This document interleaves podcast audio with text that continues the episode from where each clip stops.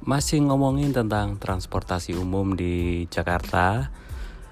Salah satu yang klasik dan sekarang sudah makin membaik adalah tentu saja bis kota yang sekarang diwakili oleh bis Transjakarta. Orang masih sering banyak yang salah menyebut uh, salah kaprah nih ya, menyebut busway Padahal yang benarnya sebetulnya bus Transjakarta. Busway itu adalah nama jalur yang dipakai oleh bus Transjakarta ini.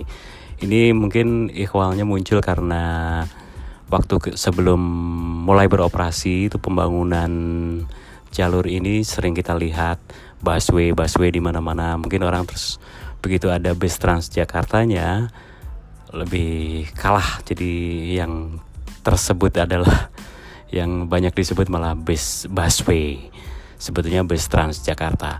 Bus Transjakarta ini sekarang sudah ada sekitar berapa ya? 13 koridor kalau nggak salah di Jakarta dan kalau dilihat petanya jalurnya itu udah lumayan rumit. Jadi kita harus benar-benar tahu ya e, mau menuju ke mana, pakai bus apa, transit di mana. Nah itu itu bisa dicek di Travi app ya aplikasinya namanya kalau nggak salah terapi itu ada. Transjakarta sendiri juga ada. Jadi bisa ditengok ataupun dilihat di Google juga bisa di search peta bus Transjakarta ini.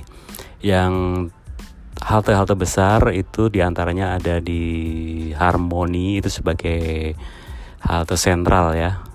Biasanya kalau bingung atau pusing mau ke mana menuju aja uh, halte sentral seperti di Harmoni ataupun di mungkin di Blok M atau di beberapa halte besar.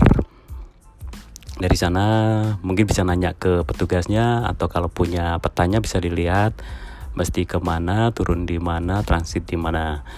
Uh, bus Transjakarta ini juga menggunakan tap gate gitu ya. Jadi setiap masuk gate kita tap bisa pakai beberapa kartu yang dikeluarkan oleh seperti Jack Jack ataupun juga kartu-kartu yang dikeluarkan oleh bank seperti uh, Flash, kemudian Breezy, Tap itu bisa semua.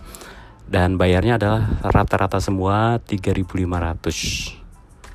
Jadi kalau selama belum keluar dari halte itu tidak akan kena biaya tambahan.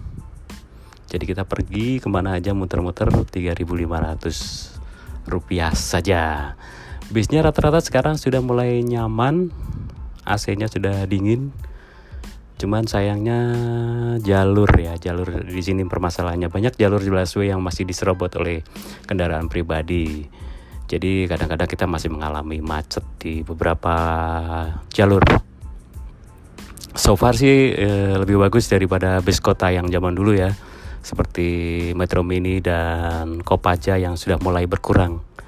Jadi eh, bus Transjakarta bisa dimanfaatkan juga oleh teman-teman yang baru di Jakarta ataupun yang sudah lama tinggal di Jakarta dan di wilayah aktivitasnya dilalui bus Transjakarta.